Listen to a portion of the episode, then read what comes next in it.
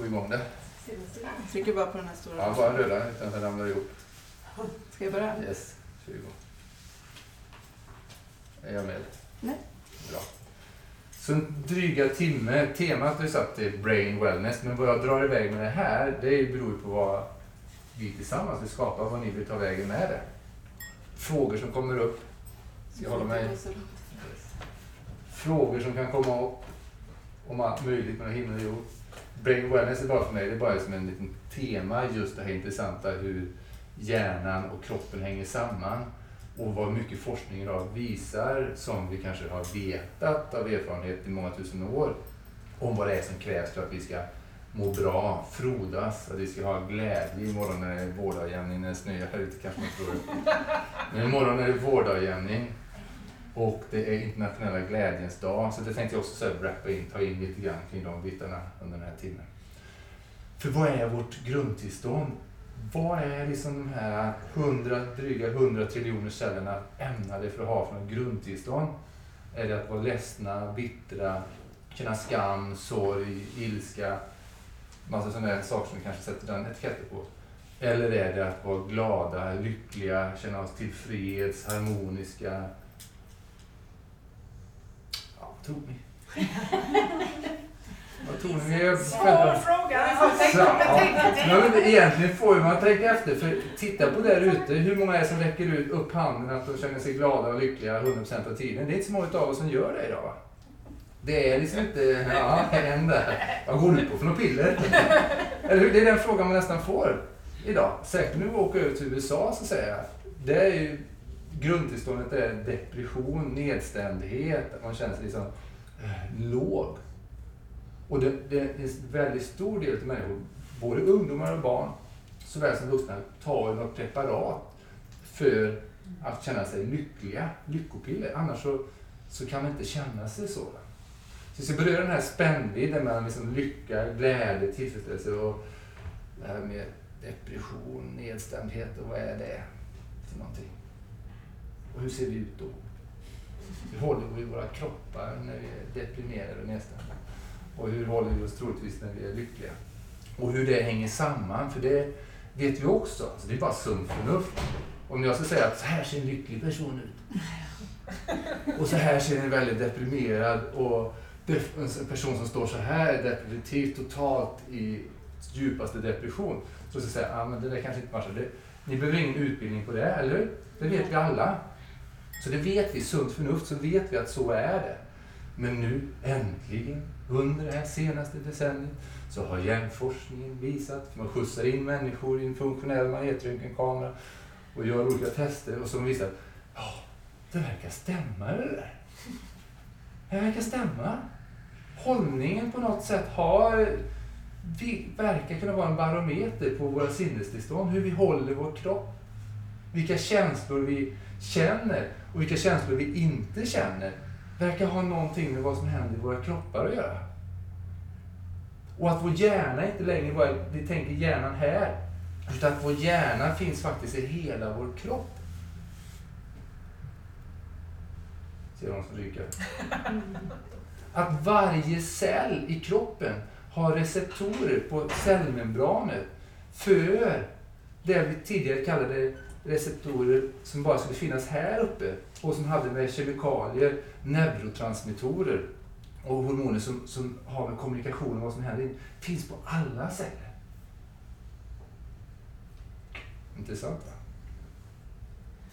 Så att nu är det som så att nu, det, det, nu tänder jag riktigt lång, där finns det forskning som visar, men vad som kommer väldigt mycket, som bara vetenskapens eh, värld som går på måndagskvällar som jag gillar att titta på, var det bara för, eh, hej, i jublas någonstans, om det var i januari eller december, så var det ett program om hjärtat. Och det nervsystem som är kring hjärtat, i hjärtat, i hjärtmuskulaturen. Hur många nervceller som finns där som har samma typ av kvalitet som nervcellerna vi har här uppe och är så, har så många förgreningar och så många sammankopplingar så att man kan kalla det som en liten hjärna här inne. Fler än hjärnan va? Nej, inte fler än den hjärnan. Men det är Fler runt... signaler än hjärnan? Ja, det, ja, en bit intressant är det att Eh, Den nerven som håller huvudsakligen igång kommunikationen mellan den här hjärnan och den här hjärnan, den kallas vagusnerven, den långa vandraren. Det är en nerv som går ut här under skallbasen. Kiropraktorer menar att vi påverkar när vi jobbar, när vi får störningar här uppe och när vi släpper på de här störningarna så får vi igång flödet. Det är därför kolikbarn en eller tre behandlingar så ofta så, när, om vi hittar någonting här så släpper saker liksom av magen. För det går hela vägen till mag-tarmsystemet där vi också kan ha en hjärna som vi kommer att prata om och vad den skickar för några signaler upp till oss. Men också går runt till hjärtat och reglerar hjärtrytmen, hur väl vi känner oss, vilket känslotillstånd det är. 90 procent av den här nerven är trådar som går från den, via den, eller rättare sagt upp till hjärnan. 10 procent enkom ungefär går från hjärnan via den här nerven ut till dess ändorgan, de organ som den går till, såsom hjärtat, till körtlar, till lungor, till mage-tarm, till underlivsregionerna. Så att det skickar mer information och påverkar mer uppåt än vice versa. Och det där menar då mycket forskning idag visar att vad som händer här inne faktiskt påverkar vårt sinnestillstånd. Det har vi i alla tider haft i vårt språk. Alltså, det här är en hjärtefråga för mig. Jag känner verkligen för det här. Jag känner verkligen för det här. Nej. Eller jag känner verkligen för det. Nej. Jag känner verkligen för det här. Det här är ett område som är mig väldigt varmt. Då matchar det va? Men jag ska säga, så, eh, nej, nej. Och den konkurrensen i kroppsspråket, det är, och kropps och språkbruket, det finns där därför att det stämmer. Och nu så kommer forskning som liksom plockar hem det här. Vad säger din magkänsla? Oj. Vad, gå efter din magkänsla. Jag vet inte riktigt vad magen säger. Ska jag ta en pizza eller ska jag ta en pasta? Det kanske du vet. Men älskar jag honom eller älskar jag henne inte? Eller... Mage, hjärta, lite konflikter däremellan.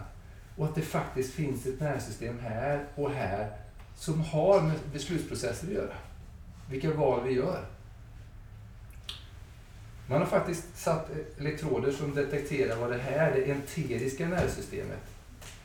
Alltså i mage-tarmkanalen, i själva den här hinnorna som är, som bildar, så finns det ett nervsystem som är det äldsta vi har.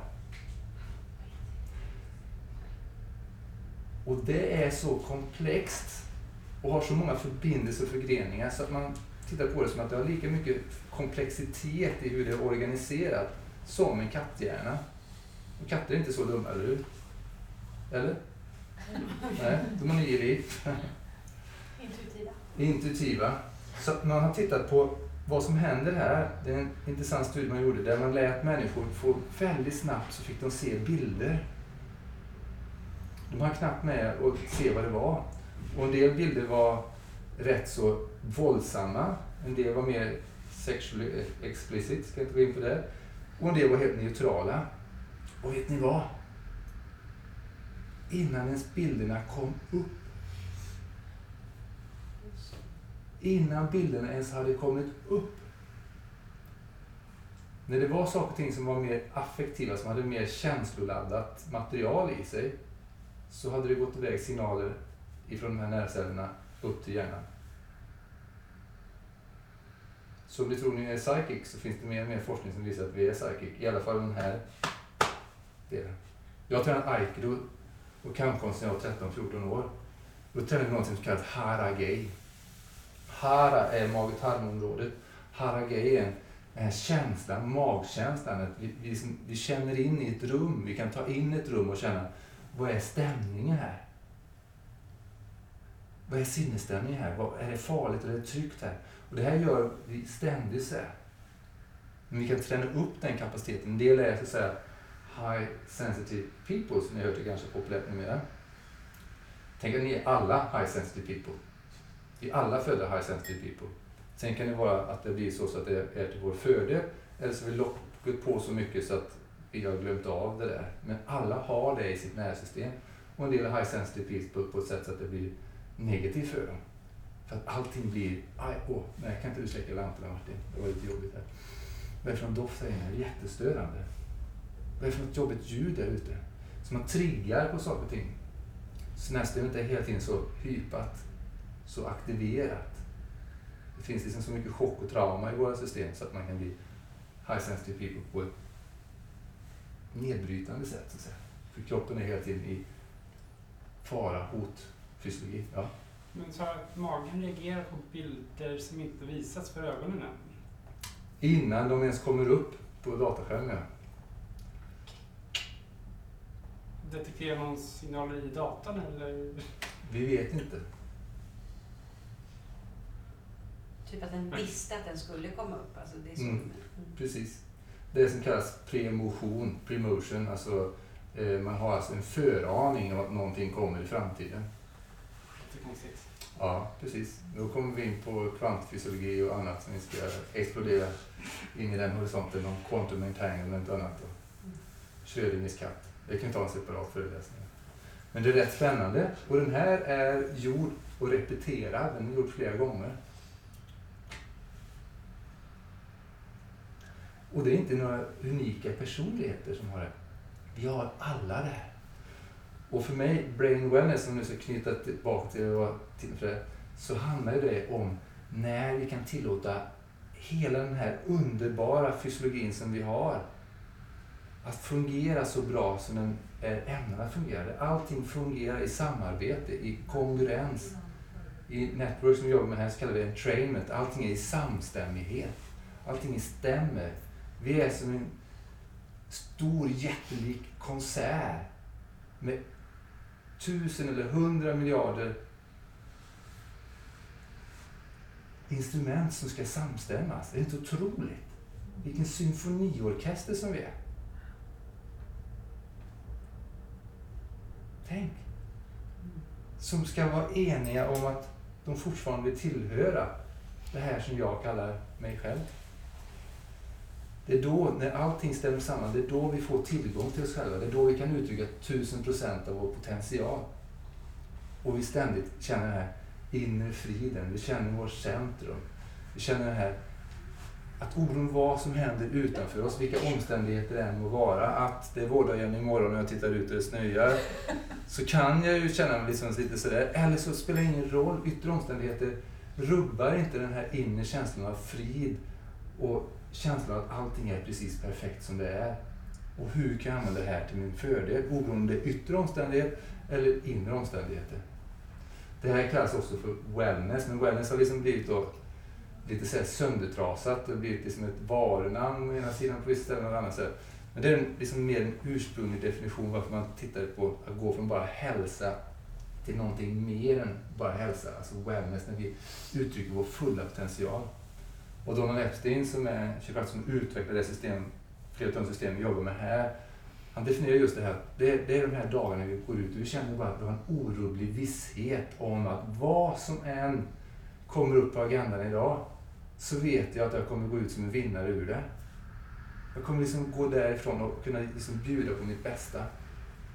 Hur många dagar har ni sådana? Har väl hänt kanske? Det händer där och då. Det, men vi vet ju att det är möjligt. Så om vi nu längtar dit och vill ha mer utav det där, då kan vi fråga sig vad kan jag då göra för att få mer utav den här samstämmigheten i mitt system? För att uppnå mer utav det här. Det finns många saker. Det vi kommer titta på några bitar. Det är mycket det här som handlar om att komma in i kroppen, att bli mer kroppsnärvarande, att känna in mer i kroppen. Och det är också bara läste i ett magasin som kommer ut några gånger om året. Holon, de, de samstämmer, de tittar på olika neuroforskningar som kommer. För det kommer så otroligt mycket om vad som händer i hjärnan och nervsystemet. Det är ett litet område in i hjärnan som heter insula. Och där har man sett att det handlar väldigt mycket om vår kroppsmedvetenhet och kroppsnärvaro, det området. Det händer väldigt spännande områden, saker i det här området när vi mediterar eller när vi jobbar med långsamma rörelser och gör rörelser som ökar vår kroppsnärvaro och kroppsmedvetenhet. Och man har sett att desto mer närvaro, kapacitet att vara närvarande med det som är i våra kroppar, ju större kapacitet till att vara självmedvetna också. På ett konstruktivt sätt, ett bra sätt. Alltså jag, jag, jag känner mig själv. Och en ökad kapacitet till att veta min riktning i livet. Och vi ska göra lite övningar här alldeles strax för just att tappa in i det där i våra kroppar som vi alla har. För det finns områden i våra kroppar som kan vara jobbiga att vara närvarande till, så vi vill helst bort vissa ifrån det. Och gud vad jobbigt, det har bara ont och det känns bara så jobbigt det. Och så möjligtvis har vi områden i våra kroppar som känns sköna och så kanske vi har uppmärksamheten där. Eller så hittar vi inga sådana jobb- områden och då vill jag hellre sticka någon annanstans med min uppmärksamhet. Vad som händer nämligen när vi råkar ut för olika saker som stressar våra system. Det kan vara allt från vi råkar ut för en olycka, vi är med någonting vid förlossning, vi ligger i mammas mage. Det händer väldigt mycket under livet. Särskilt de första nio månaderna i mammas mage och de nästkommande sex månaderna och sen från sex månader upp till... Där finns det liksom ett antal segment där det händer väldigt mycket, det är våra nervsystem är väldigt sårbara och lägger grunden för det vi kallar då olika dissociativa mönster. Att vi inte får anknytning till varken vår kropp eller till de som skulle vara där som, och skapa trygghet för vår överlevnad. Och det gör att vi smiter. Och Didi Palmer, kiropraktikens grundare, han sa the purpose of chiropractic is unify man spiritual with man physical. Och hur känner man sig då? Jag kallar det, man känner sig levande. En ande som lever. Det vet vi alla hur en sån människa ser ut va? Eller när vi ser det på filmen när någon står och sjunger eller någonting annat. Det är som att det finns någonting mer som är där. Kontra en kropp som bara ligger där och är död. Har ni sett en människa som är död? Mm. Ni sitter på film kanske, eller på någon som spelar. Mm.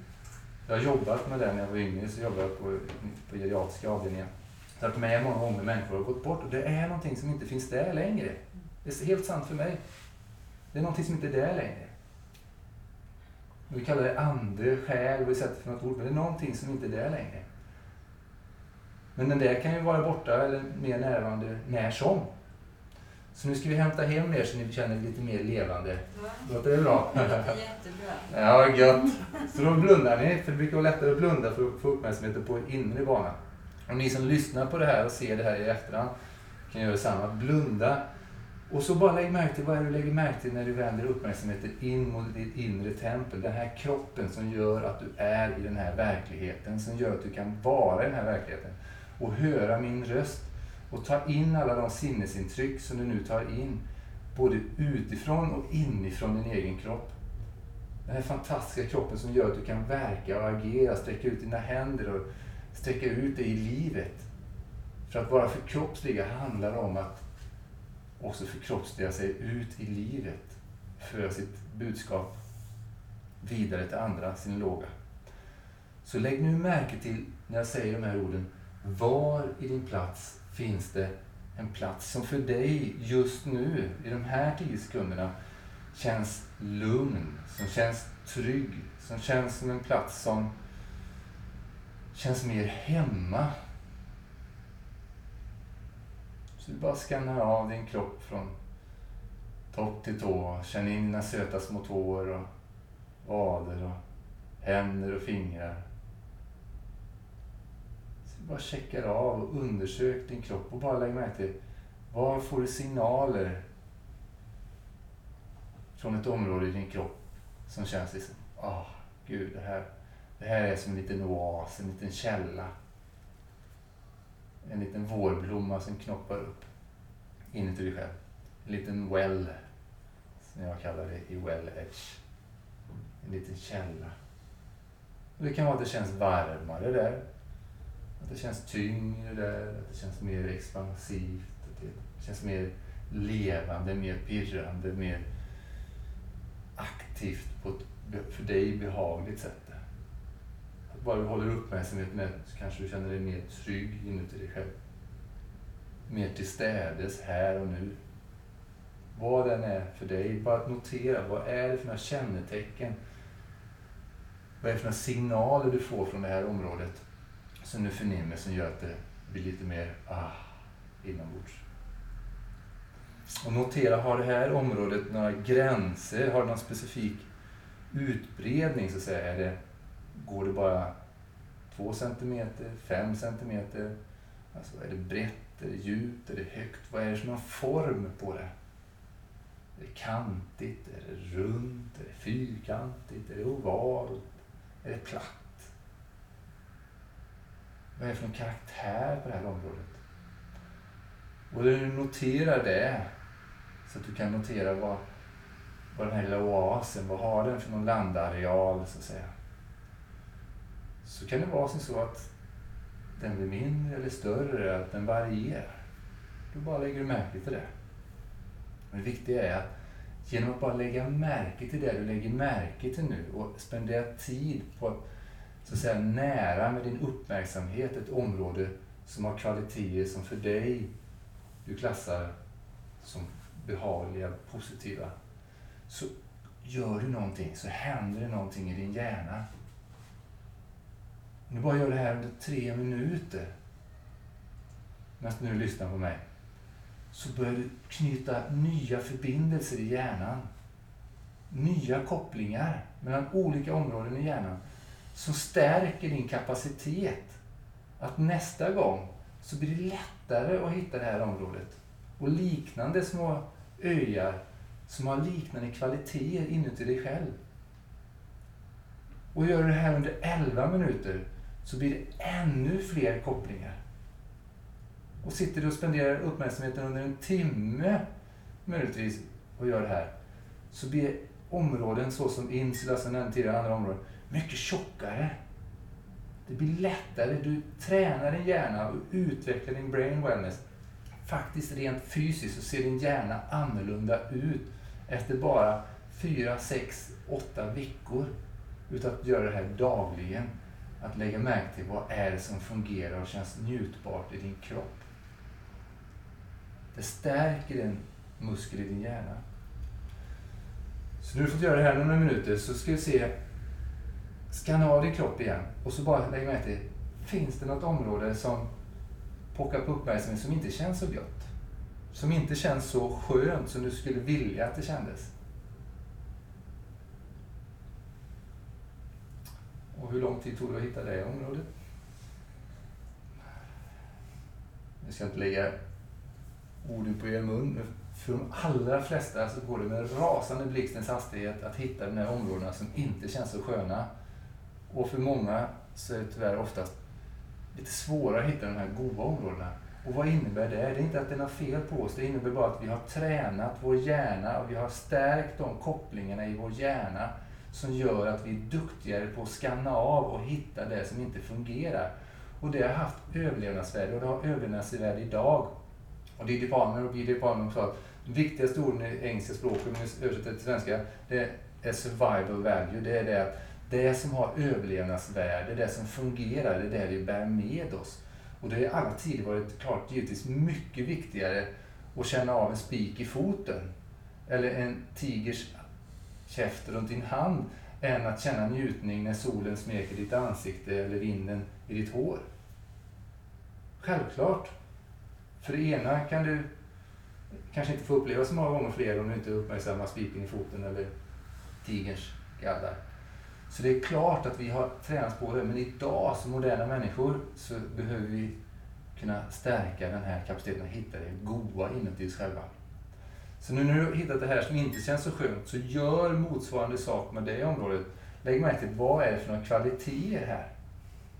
Är det varmt? Är det kallt det här området om du hittade sånt? Var är det lokaliserat någonstans? Är det en axel eller höften? Var, var sitter det någonstans? Och vad är det likadant här? Vad är utbredningsområdet? Hur stort eller litet är det? Är det runt, kantigt, platt?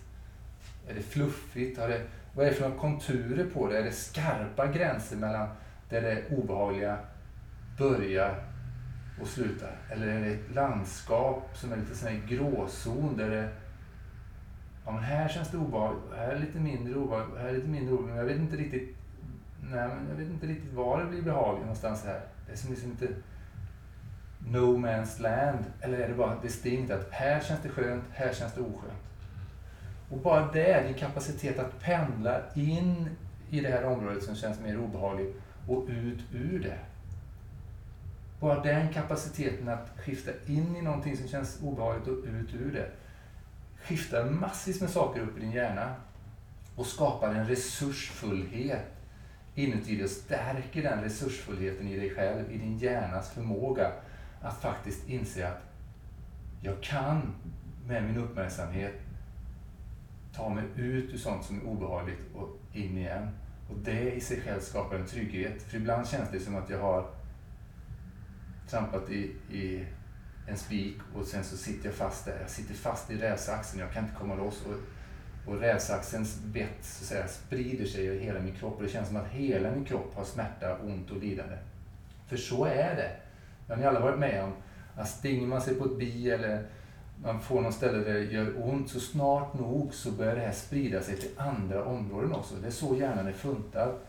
Tills dess vi gör en förändring, tills dess att vi får någonting som skiftar. Så nu har du fått pendla lite grann in och ut ur det här området. Det ska jag nu som en en annan bit är att låt din uppmärksamhet pendla tillbaka till det här området som kändes skönt. Om vi kan hitta det området igen. Var det nu var lokaliserat någonstans. Kanske ett nytt område som är din, din goa oas där. Och så pendlar du snabbt tillbaka till det område som känns mindre skönt. Och så pendlar du tillbaka till det som känns skönt. Och så låter du din uppmärksamhet pendla mellan de här två områdena. Och bara uppmärksamma inuti dig själv att det finns delar av mig själv som inte känns så sköna. Och det finns andra delar av mig själv som känns sköna. Det finns delar som jag tycker om. Och det finns delar av mig själv som jag inte tycker så mycket om. Det finns delar av mig själv som jag inte helst inte vill kännas vid. Och det finns delar av mig själv som jag gärna vill kännas vid. Det finns delar av mig själv som jag vill ha uppmärksamheten på och det finns delar av mig själv som jag inte vill ha uppmärksamheten på. Och allt det här är jag.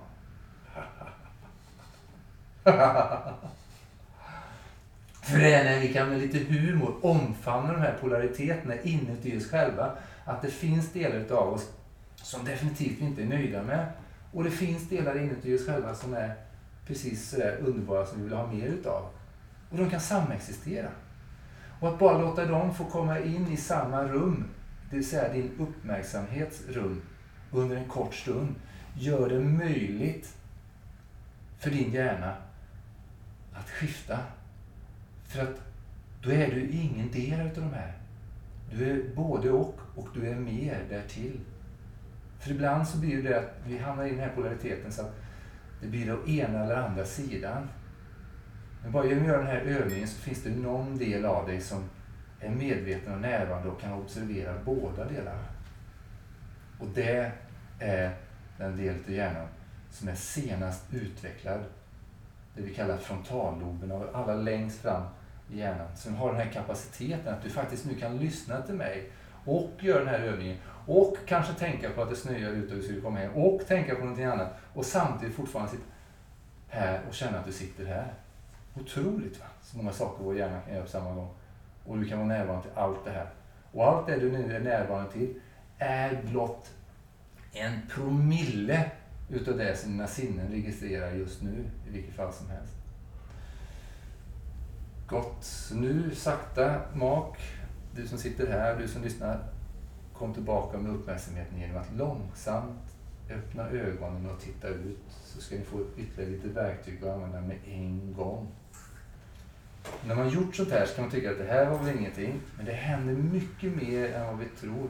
Särskilt om det är som så att vi har områden som det är väldigt stor polaritet mellan. Det vill säga ett område som verkligen är smärtsamma och som vi har mycket lidande kring. För smärta och lidande är två olika saker. Lidande handlar om hur vi förhåller oss till det här. Smärta är bara smärta. Vi kommer att prata mer om det, vi, hur vi tolkar saker och ting. Och att samma sinnesdata kan för en person vara totalt extasiskt beroende på vilka resurser och kapacitet vi har. Och för någon annan är det total smärta, lidande och det värsta mardrömmen.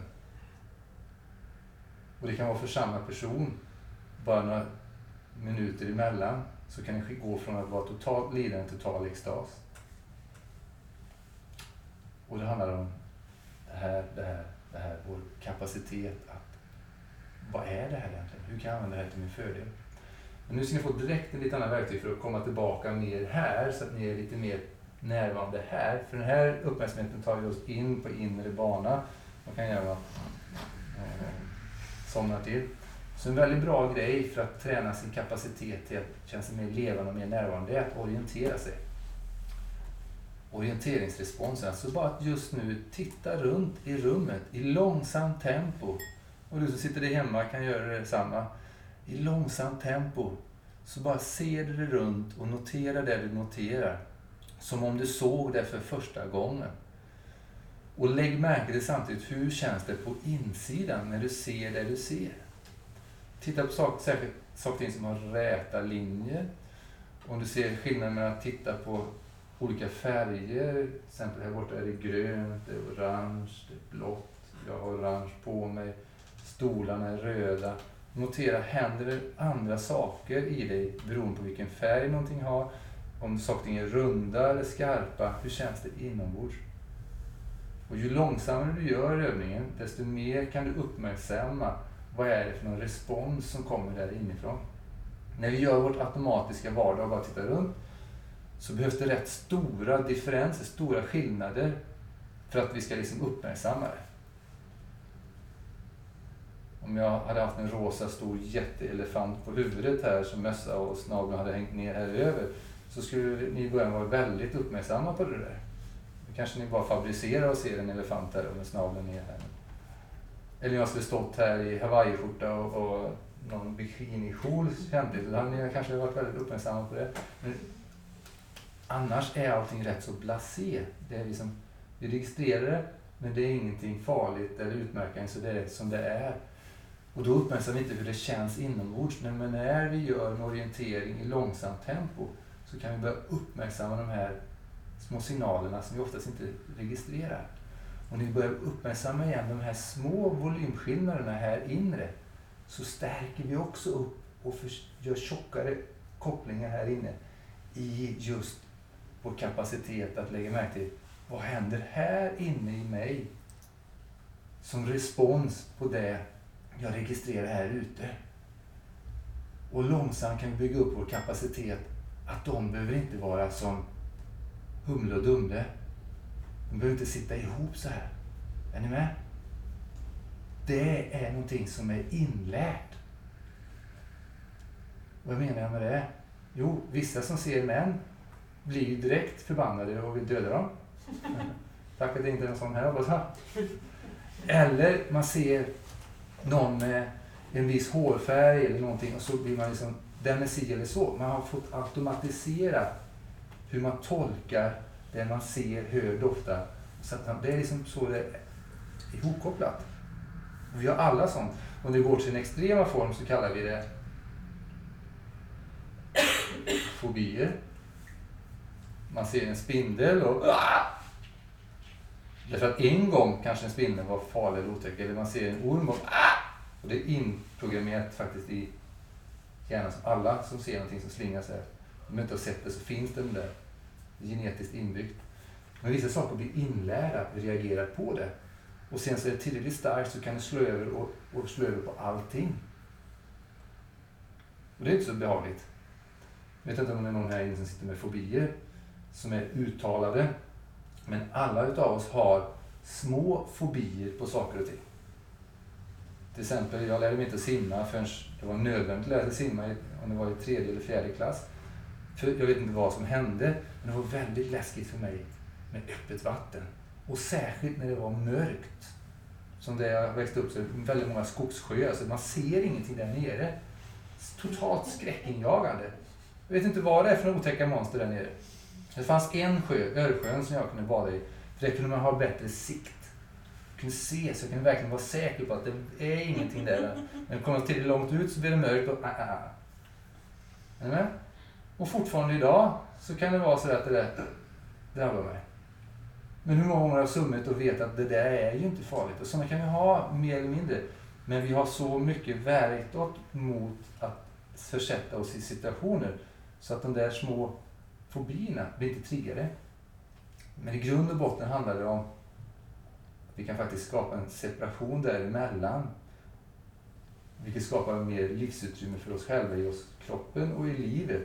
När vi inte med automatik förnimmer någonting och direkt hamnar i ett tillstånd som inte är önskvärt. Låter det bra? Och då kan man faktiskt göra det vi gjorde nu. Orientera sig. Bara lägga märke till att okej, jag tänker på X, ett X. Tänker på henne, hon sitter ju inte där. Det ser ni, det sitter ingen där, men jag kan tänka på ett X. Och direkt känner jag, shit fan, hon vill inte ha mig. Nej. Ja, usch vad jobbigt. Men det är ju bara en fabricering här uppe. Eller hur? Bara en fabricering här uppe. Och då kan man skapa den här förmågan att faktiskt bryta det här och skifta det här. Så har ni något X som ni gärna skulle vilja ha mindre kraftfull respons på. Det behöver inte vara ett X i form av en partner, utan det kan vara något annat ex. Det kan vara en arbetssituation jag har varit i. Det kan vara något jobbigt jag har varit med om i livet som just nu poppar upp. Så bara som ett litet tankeexperiment så kan du laborera kring vilken flexibilitet vi har i vårt nervsystem i att skapa att det här inte behöver trigga oss lika mycket. Och generellt sett för de flesta utav oss så genom att skapa avstånd till någonting, rent fysiskt få någonting att vara på större avstånd och gärna så att det därmed ser mindre ut, så ökar vi vår kapacitet att, så att säga, inte få en lika stark respons på det. Vill ni testa? Lite hjärngympa här nu. Men vi börjar med, innan vi gör det, bara för att se en enkel liten övning så att ni alla är med på tapeten. Föreställ er ett äpple. Föreställ er ett äpple just nu. Var ser du det någonstans? Kan alla sträcka ut handen och säga vad?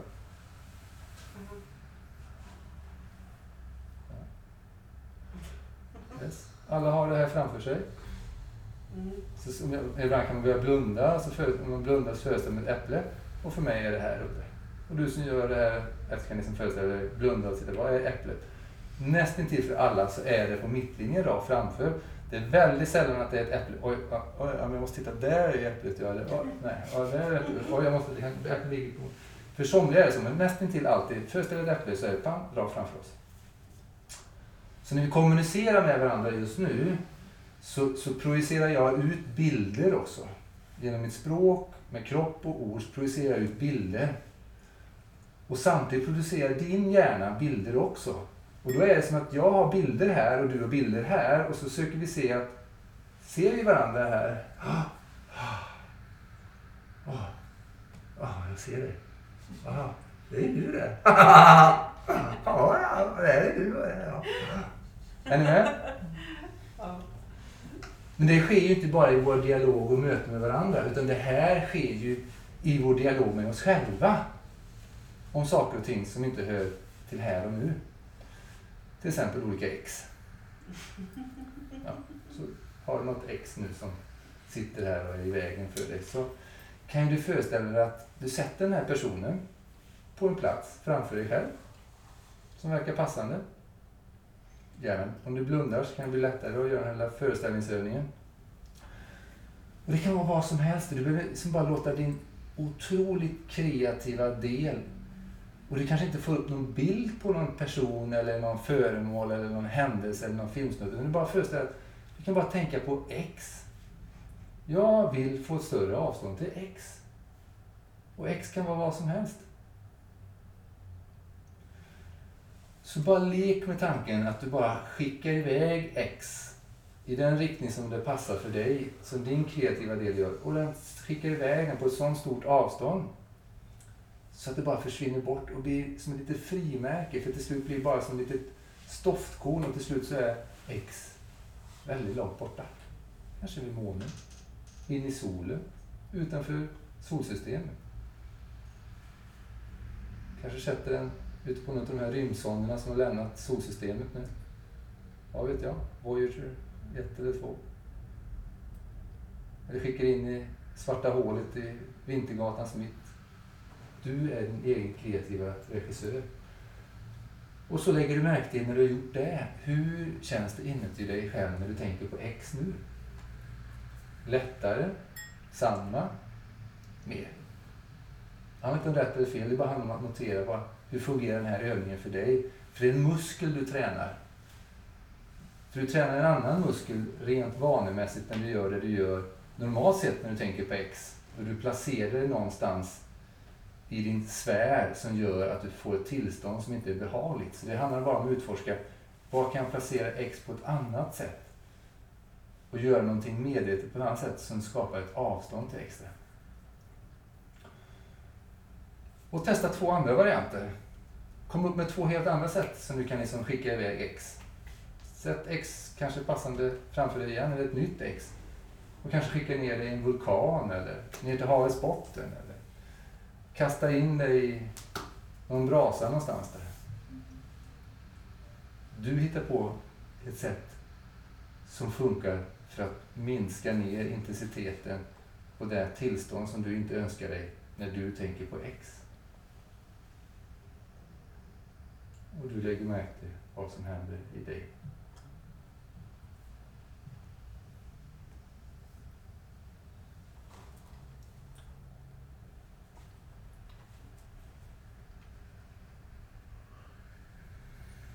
När du gjort det där två gånger till så kan du sakta mak öppna ögonen och igen bara orientera dig runt, titta runt i rummet och se om saker och ting är annorlunda eller samma när du ser dig runt. Du tar den tid du behöver för tre gånger om skapa det avstånd som känns behövligt för dig till X.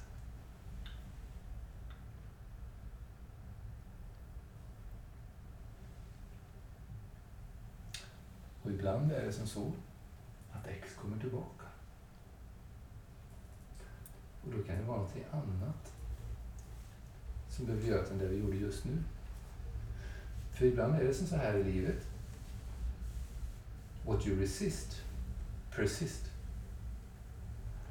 Så att det kan vara som så att någonting jag vill få bort och avstånd ifrån kommer tillbaka.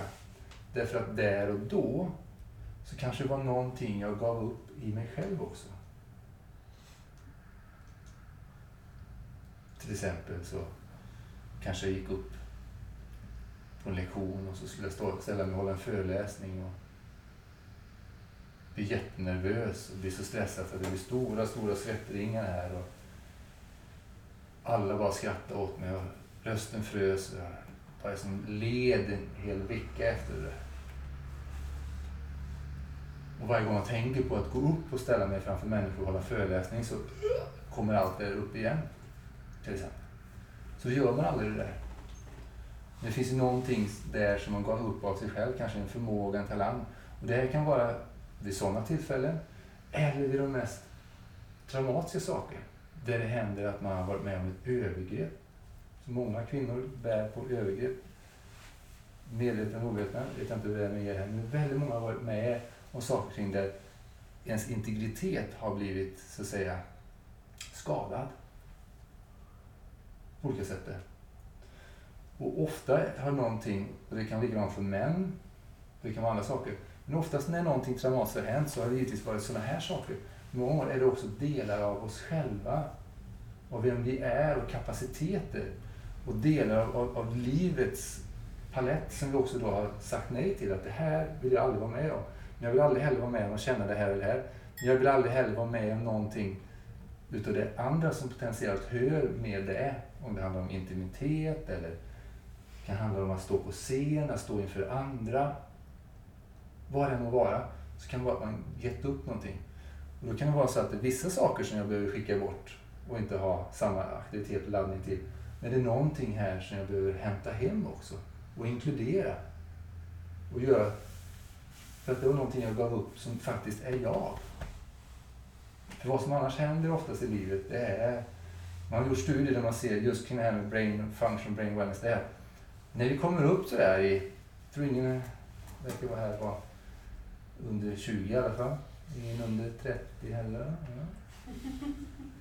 Men någonstans där över 30-strecket sådär, så helt plötsligt så mer och mer så formaliseras vi och, och jag är jag, vilket också hör med jag vet vad jag tycker, jag vet det här, det gillar jag, det gillar jag inte. Och det blir liksom en, en struktur om vem jag är och vem jag inte är. På grund av sådana erfarenheter och sådana här erfarenheter. Så benägenheten att testa nya saker, att prova nya saker, att utforska livet börjar liksom krympa. Och när människor blir väldigt gamla så ofta det kännetecken är att de är vanedjur. Och livsområdet, så att säga, dess territorium är väldigt smalt. Och det är för att man har inte gymnastiserat det här, men det är också det på grund av att hjärnans plasticitet är lika flexibel genom hela livet i stort sett. Även när vi blir väldigt gamla. Men när vi har med, ju mer stress vi har med om, desto mer begränsas hjärnans förmåga att vara plastisk, att vara levande. Och territoriet krymper ihop. Så genom att hämta hem saker och ting som vi kan kalla då har med trauman att göra, som vi jobbar mycket med här, så kan vi successivt återta, inte bara vår kropp, utan olika livsområden i livet och nyfikenheten. Och det som utmärker Network Care som vi jobbar med här, det är att människor rapporterar att inte bara de mår bättre fysiskt, emotionellt, psykosocialt och sin förmåga att göra positiva livsval, utan den totala livsuppskattningen ökar. Och människor märker att de blir mer benägna att göra hälsosamma val, att välja saker och ting som är främjande för oss, som känns bra. Och ge sig in i nya arenor. Kreativiteten, nyfikenheten, barnets vittring efter vad som är spännande och berikande och glädjegivande ökar. Kontra benägenheten att sitta kvar i saker och ting eller göra saker och ting som inte är så närande och berikande. Som kanske vet man borde sluta med, men man fortsätter med det. Benägenheten att ta ett steg bort från det där ökar. Därför att vi ser, när vi skickar in människor och mäter vad som händer i hjärnan, så ser vi att saker och ting ändras här inne i hjärnan. Med det vi gör. Och inte bara det vi gör här, utan det är många andra modaliteter som, som vi ser vitaliserar. Så hur många livsområden har du i ditt liv där du är som isbjörnen som var i en bur på, från den pelaren till den pelaren. Nu kan inte gå så länge för att missa kameran, men ni kan tänka er, den gick och sen så tog muren slut, eller här var liksom grinden, eller burkanten, vände och tog några steg och bam, och vände, bam. Och när man väl tog bort buren och den fick ett jättestort område så fortsatte isbjörnen att gå bam, bam. För att i dess hjärna så fanns fortfarande det här kvar och det hade blivit ett vanemönster att röra sig så här. Och då kan man inte bara ta isbjörnen och kasta ut den i det härliga vattnet som man har skapat med olika öar där den kan vara. För då blir det chockerande. Men vi behöver successivt titrera vårt system och tillåta ledare att ta ett litet steg och känna att det var inte farligt. Och ta ytterligare ett steg och komma till vår edge. Och känna att det är tryggt att vara där. Jag kan känna well. Jag kan känna att jag mår bra här. Att vara på den här edgen. Ah, jag kan gå in i någonting som känns tryggt. Ja. Jag kan vara i det där obehagliga. Sen kan jag gå in i trygghet. Och det var ni gjorde tidigare. Ni pendlade mellan områden som kändes mindre behagliga och in i områden som kändes mer behagliga. Och det är ett sätt att öka kapaciteten så att fler obehagliga områden potentiellt kan komma upp. Och så kan ni sträcka er lite mer. Come to the edge. And be well. Ja? Synbarn är väldigt enkla grejer, men tyvärr så sådana här grejer som ni läser nu under den här trygga timmen som närmar sig slut. Väldigt mycket av det här är ju på ett sätt självklart. Men det kräver gyoji, kallas det inom zenbuddismen som jag har hållit på med länge. Den dagliga praktiken. Det behövs dagliga arbetet. Att dagligen ägna medveten tid åt att göra de här sakerna. Oftast behöver vi en gemenskap där det främjas, stöds, den typen av aktiviteter. Och det är det som Wellers handlar om bygga upp en plats där man faktiskt hela tiden blir påminn om det här. För där ute så påminns vi mer om vad jag inte hinner med, vad som inte funkar. Det är det som driver ekorrhjulet där ute. Otillräckligheten. Vi måste hinna med mer. Men inte mer utifrån vad mer är möjligt, utan utifrån bristtänkande, bristmentalitet. Men egentligen så finns det bara överflöds möjligheter ständigt. Nu ska inte jag prata just mer, utan nu är jag nyfiken de sista minuterna. Vad finns det för några frågor som kommer upp? Men alltså missade jag det här? Jag vet inte. Vilket När du sa missade den här andra övningen vi skulle göra. Missade jag den? Vilken Eller övning? är jag helt trött? Eh, när man skulle ta... Ja, jag måste nästa. När du sa att ta någonting Ja. som du ändå vill ha kvar. Eller som du lämnade. Det-.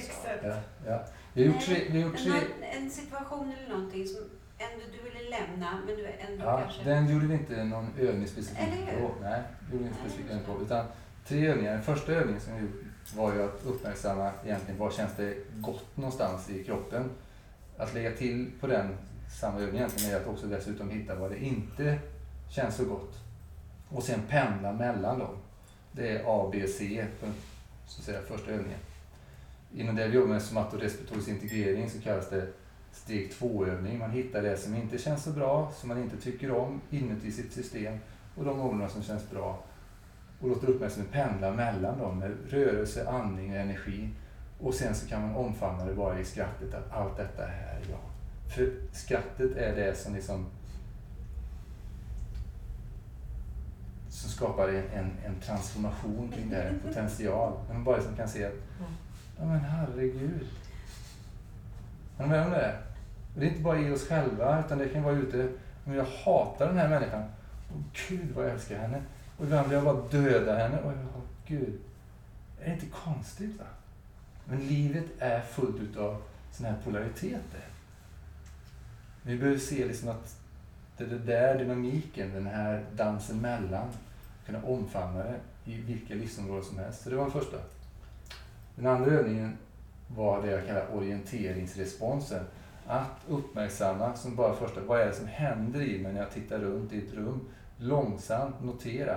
Och som oftast när jag är dissocierad, när jag, det blir ett överväldigande från mitt nervsystem, när jag inte känner mig riktigt hemma i mig själv längre. Jag kan bli lite yr eller känns som att det är som en film mellan mig och det som jag ser. Jag känner liksom inte riktigt att jag ser och får kontakt. Då är jag system, då har det stuckit lite grann. Då är det inte här längre. Då hjälper det till att orientera och särskilt att titta på saker som är röda och, och vertikala linjer assisterar nervsystemet att bli mer stabilt och solidt och liksom att vi kan komma hem mer i våra kroppar igen. När vi gör de här enkla övningarna så kan det vara så här, jag märkte ingenting. Men det är det att ni alla var lite glasiga på ögonen, inklusive mig själv. Det är liksom att vi har liksom lite så här försvunnit in i ett landskap där inne som vi inte riktigt klarar av att komma ut igen. Va? Och när vi är riktigt i balans så har vi lika mycket kapacitet att vara där ute till 100% och vara här inne samtidigt. Så orienteringsövningen, lite olika aspekter på det. Och sen så fick ni den här övningen bara för att se vad händer här inne när jag leker med min, den här kreativa delen för att, så att det inte är så sammanblandat det som händer här, jag registrerar här ute med det som händer här inne. Att, inte bara, att jag inte kan separera dem längre. Det är bara som gegga. För det är inte samma sak. Det här som händer inne är en respons på här ute. Och jag kan se en person och få en respons att åh gud vad jag älskar dig. Och sen kan jag se på en person och känna att gud jag vill döda dig. Men det är samma person. Det är samma föremål. Jag kan se, åh gud jag vill inte göra det där, det är jätteläskigt. Åka uppskjutet på Grönan. Åh. Eller wow, det var ju fantastiskt förra gången jag gjorde det. För jag har druckit fyra öl. Nej. Är ni med? Och genom att då skapa avstånd, eller avstånd som passar sig för dig, som gör att det inte blir lika aktiverande att tänka på X. Det var övning nummer tre. Men övning nummer fyra. Nej. Nej, du bara berättade om att Ja. den, när hon kommer tillbaka så är det för att man har lämnat någonting kvar Så av sig kan- själv. Ja, men inte precis. hur man skulle ta bort det. Nej, den sträcker sig inte tiden för idag. Ja. Det är en liten teaser för att kanske komma hit nästa gång. För det är precis det vi gör när vi går in i transformationens årstid. I det vi kallar Network Spinal Analysis och Network Care. Det är att det här som har varit väldigt jobbigt, som liksom vi ser som en chocktrauma. I det finns det russin också. Det finns olika saker. Man kan använda det som ett bränsle. Precis som vi kan ta alla döda löv som föll ner i höstas och det dras ner utav maskar och annat ner i myllan och blir näring för vårens blommor. Så gör vi rent konkret när vi jobbar med människor här på bänkarna så tar vi kontakt med de här områdena som är redo och som på något sätt- sätt har en resonans med de här områdena som känns vitala eller som vi vill ha mer utav. Och faktiskt använder det som ett bränsle för att få mer utav det här. Så koblajan, det där jobbiga som är sticky, som vi ständigt tenderar att trampa i i livet. Eller trampa på i dig själv för att det gör ont. Och, ah. och för oss så är det ingen skillnad mellan det som protesterar i dig och det finns alltid någonting som protesterar, du protesterar till där ute. Bara två sidor samma mynt. Och att det kan bli ett bränsle som vi kan använda. Och vad som händer i kroppen då är vad som händer i alla djur. Vi börjar andas annorlunda, kroppen börjar sträcka på sig, kroppen börjar skaka. Och kanske går in i någonting som jag inte hann med att göra då, för att det var så mycket jag ville göra då. Och få göra färdigt det som jag inte hann göra då och skydda mig för det var inte passande och lämpligt att göra det. Och sen kanske mitt system kan släppa på någonting och gå in i någonting som är väldigt mycket skönare och mer levande. Och det är som att träna upp ett nytt språk inombords. Det är en kapacitet som finns där för oss alla, men vi behöver träna det. Och Nepocare har tjusningen då att det finns som årstider, fyra årstider. Det är Precis som man går och lär sig salsa eller dansa tango eller någonting, eller målarkurs eller en språkkurs, finns det grundkurs, fortsättningskurs, avancerad kurs och så finns det integrering. Så precis som egentligen av mina äldsta gamla lärare är att, att göra den enklaste rörelsen, enklaste blocken som där. Även om man har tränat i 50 år så kan det vara liksom där, wow, wow, ah, gud nu börjar jag förstå. Ah, där ja, shit. Att även det som var strategier som hörde till grundkursen kan förfinas och integreras och utvecklas med den visdomen som jag har lärt mig i andra årstider. Och det finns ett system för det här, hur vi jobbar här. Så den som är nyfiken och får uppleva mer utav det kan prata med mig efterpå. Och ni som ser och hör det här så är det bara hör av er till oss på Wellage. Nu ska jag bara stänga av. Sen om ni vill ställa mer frågor så kör vi det.